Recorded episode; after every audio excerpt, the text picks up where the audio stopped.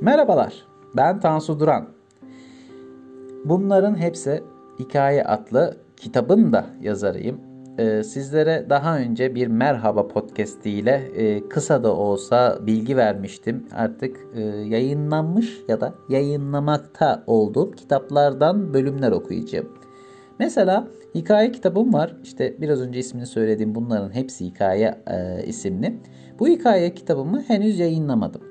Ama öncelikle burada podcast'te e, bir sezon oluşturup bunları da e, bölümlere ayırıp bu kitaptan birçok hikayeyi sizlere ulaştıracağım bu sayede. O yüzden şimdiden e, sürçülisan edersem affedin lütfen. Çünkü sürçülisan edeceğim sanırım. İlk hikayemiz aslında e, kitabın ilk hikayesi değil, son hikayelerinden. Yeri Fişekler. Yeri Fişekleri ben yazma amacım e, Suriye'deki ya da Suriye'nin artık ön planda tutup bütün dünyadaki e, savaşlara, savaş acılarına e, dikkat çekmek amacıyla içimden gelmişti yazmak. E, böyle bir e, niyetle e, giriştim. Umarım e, hoşunuza gider. Okuyorum efendim. Yeri fişekler. Bundan 4 yıl önce ilk defa havai fişekleri görmüştüm. Yaşım 4'tü herhalde. Herhalde diyorum çünkü bana o zaman gerçekte kaç yaşında olduğunu söyleyecek kimse yok burada. En azından 4. yaşımı hatırlayan ya da bilen. Neyse ben 4 diye bildiğim yaşıma geri geleyim. Yaz yeni bitmişti. Yine de sıcaktı şehrimiz. Annem evde bizimle ilgilenirken babam da alışverişten yeni gelmişti. Yanlış hatırlamıyorsam da haydi bakalım hazırlanın bugün zafer bayramı. Çıkalım dolaşalım akşam da muhteşem havai fişekleri izleyelim dedi. Biz çocuklar öyle sevinmiştik ki dünyalar bizim olmuştu adeta. Mutlu bir ülkenin mutlu çocuklarıydık biz. Annem ile babam büyüklerin mecbur kaldıkları işleri yapıyorlardı. Biz üç kardeş bayramın tadını çıkarırken ara ara babamın tatlı gülümsemesini hayal meyal de olsa hatırlıyorum. Annem ise nedense biraz buruktu. O yüzden de o günkü halini hatırlamak istemiyorum sanırım. Şehir ve şehrin insanları huzurlu ve coşkuluydu. Çünkü o gün 6 Ekim'di ve Zafer Bayramı'ydı.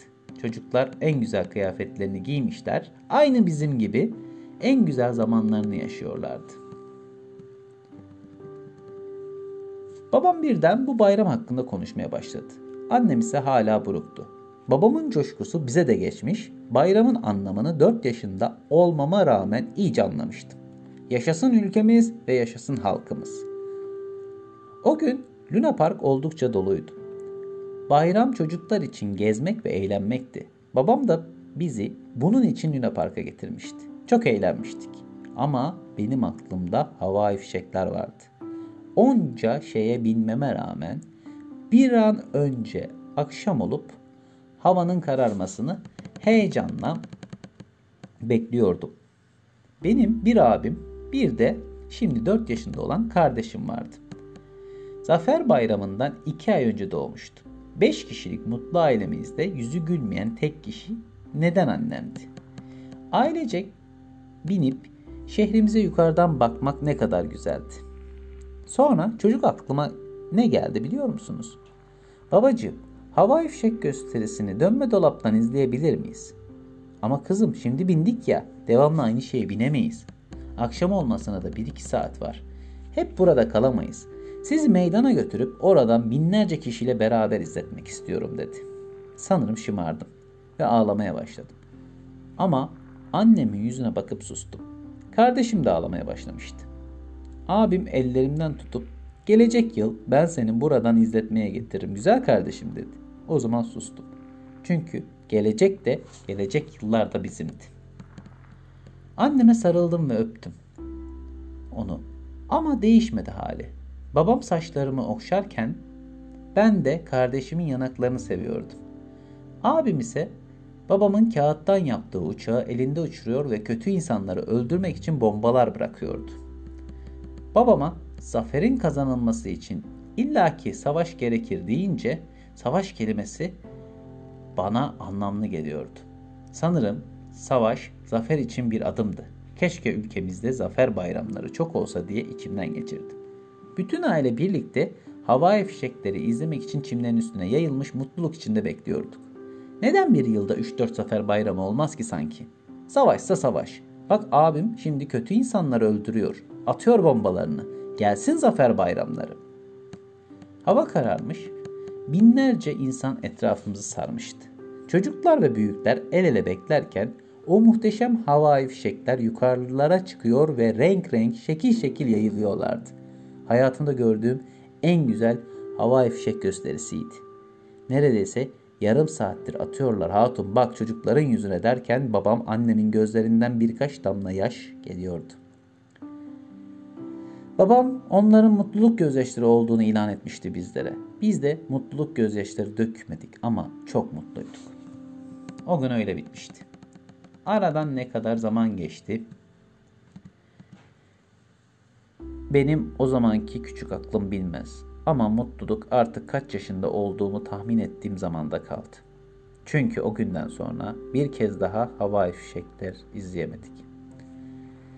Çünkü babama göre yeni bir zafer kazanmak için, bana göre yeni bir bayrama kavuşmak için savaşa girmişiz.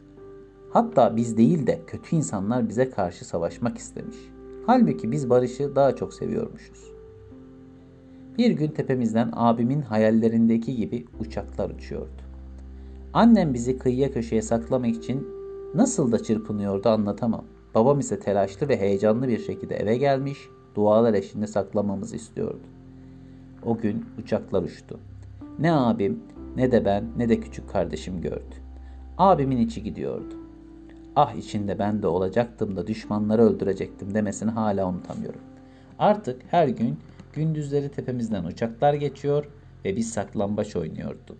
Benim ve kardeşim için eşi bulunmaz bir oyundu. Ebe, uçak, biz saklananlar oluyorduk. Ama işin ilginci uçaklar bizim arkadaşımız değildi.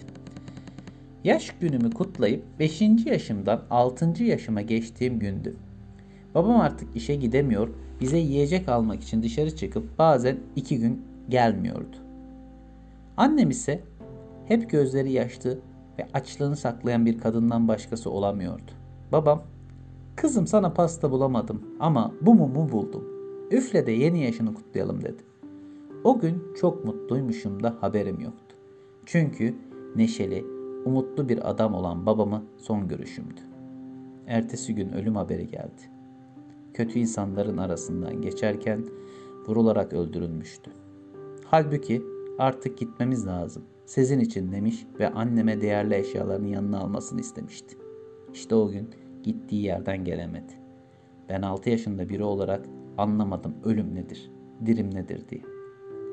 Babam da bizimle saklambaç oynuyor diye abim bana söylemişti de kardeşimle birlikte babamın bizi sobelemesini bekledik durduk. Aradan sanırım bir ay geçti. Artık uçaklar daha çok geçiyor ve gürültülü sesler çıkartıyorlardı. Abim bomba atıyorlar deyince içim rahatlamıştı. Çünkü kötü insanlar ölecekti. Fakat ölen annem oldu. Bize yiyecek bir şey bulmak için gittiği yerden bir daha gelmedi. Abim, ben ve kardeşimle beraber annemin de ebe oluşuna, babamla birlikte gelecekleri yani bizi sobeleyecekleri günü bekledik. Abim gidiyor, yiyecek bir şey bulup geliyordu. O günlerden biri pencereden bir ses duydum. Komşulardan kalanlar bizi yanlarına almak istediler. Çünkü onlar Türkiye'ye gideceklerdi. Biz annemle babamı bekliyoruz burada deyip gitmedik. Çok kızdılar, bağırdılar ama abim düşmanları burada bekleyeceğiz. Sizin gibi vatanı bırakıp gitmeyiz diyordu kızgınca. Ama kardeşim ne yiyip ne içecekti. O gün pencereden bakıyordum, bir uçak geçti ve bir şey bıraktı. Taş gibi, kaya gibiydi. Yere düştü ve ateşler, dumanlar çıktı. O gün ilk defa yeri fişek gördüm. Eskiden yerden havaya attığımız fişekleri şimdi uçaklar atıyordu. Abim onların bomba olduğunu söyledi. Ama ben abime döndüm. Bombalar kötü insanlara atılır. Hiç uçaklar çocuklara bomba atar mı? Bunlar yer fişekleri. Biz çocuklar için atıyorlar. Zafer kazanmışız ki bayram yapıyorlar dedi. Abim yutkundu ve cevap veremedi. Kardeşimi aldı ve saklanma, saklamaya gitti. Beni çekti, yanına gelmedi. Çünkü yeri fişek gösterisi izleyecektim. O gün uçaklar bayramı kutladılar. Diğer günlerde. Ama fişekler yayılamıyordu havadaki gibi.